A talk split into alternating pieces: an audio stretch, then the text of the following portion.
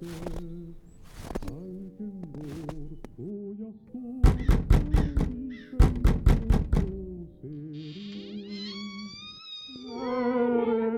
in, kom in till Storysyndromets julkalender. Här dyker vi ner i folktrons land och berättar sanna historier från förr.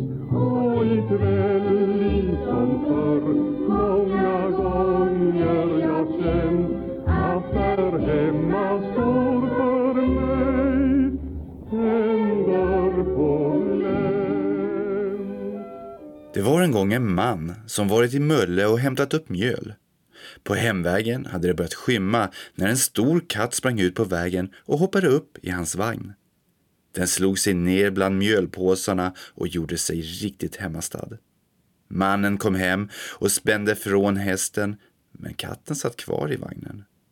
Då kom mannens hustru ut. Kommer du nu?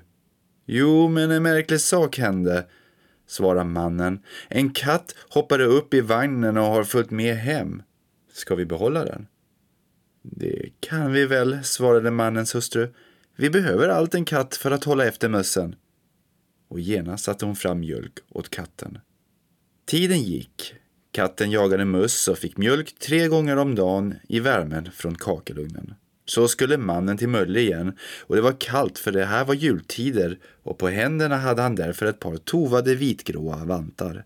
Han var på väg när det plötsligt ställde sig en liten gubbe framför vagnen. På samma ställe där katten hade hoppat upp i hans vagn.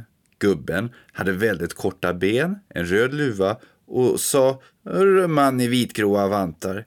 Kan du säga till Kissekanius att Carolus har dött? Det var en märklig förfrågan, men nu visste mannen vad katten hette. När han kom hem berättade han för sin hustru.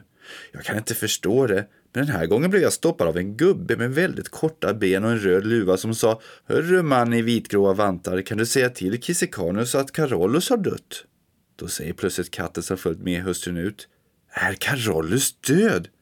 Då är jag tomtefar i Kullaberg. Och så sprang katten iväg det fortaste den kunde och sågs aldrig igen.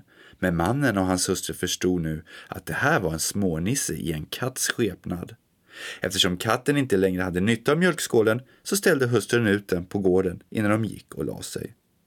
Men när morgonen kom och hon gick för att mjölka kunde hon se att det glittrade i skålen. Hon gick dit och såg till sin stora förvåning att det var ett stort stycke guld som låg där, formad efter mjölkskålen. Det var betalningen för att de hade huserat Kissikanius. Du har lyssnat på Storysyndromets julkalender lucka 18 av och med författarna Kristina Hård och Henrik Pettersson.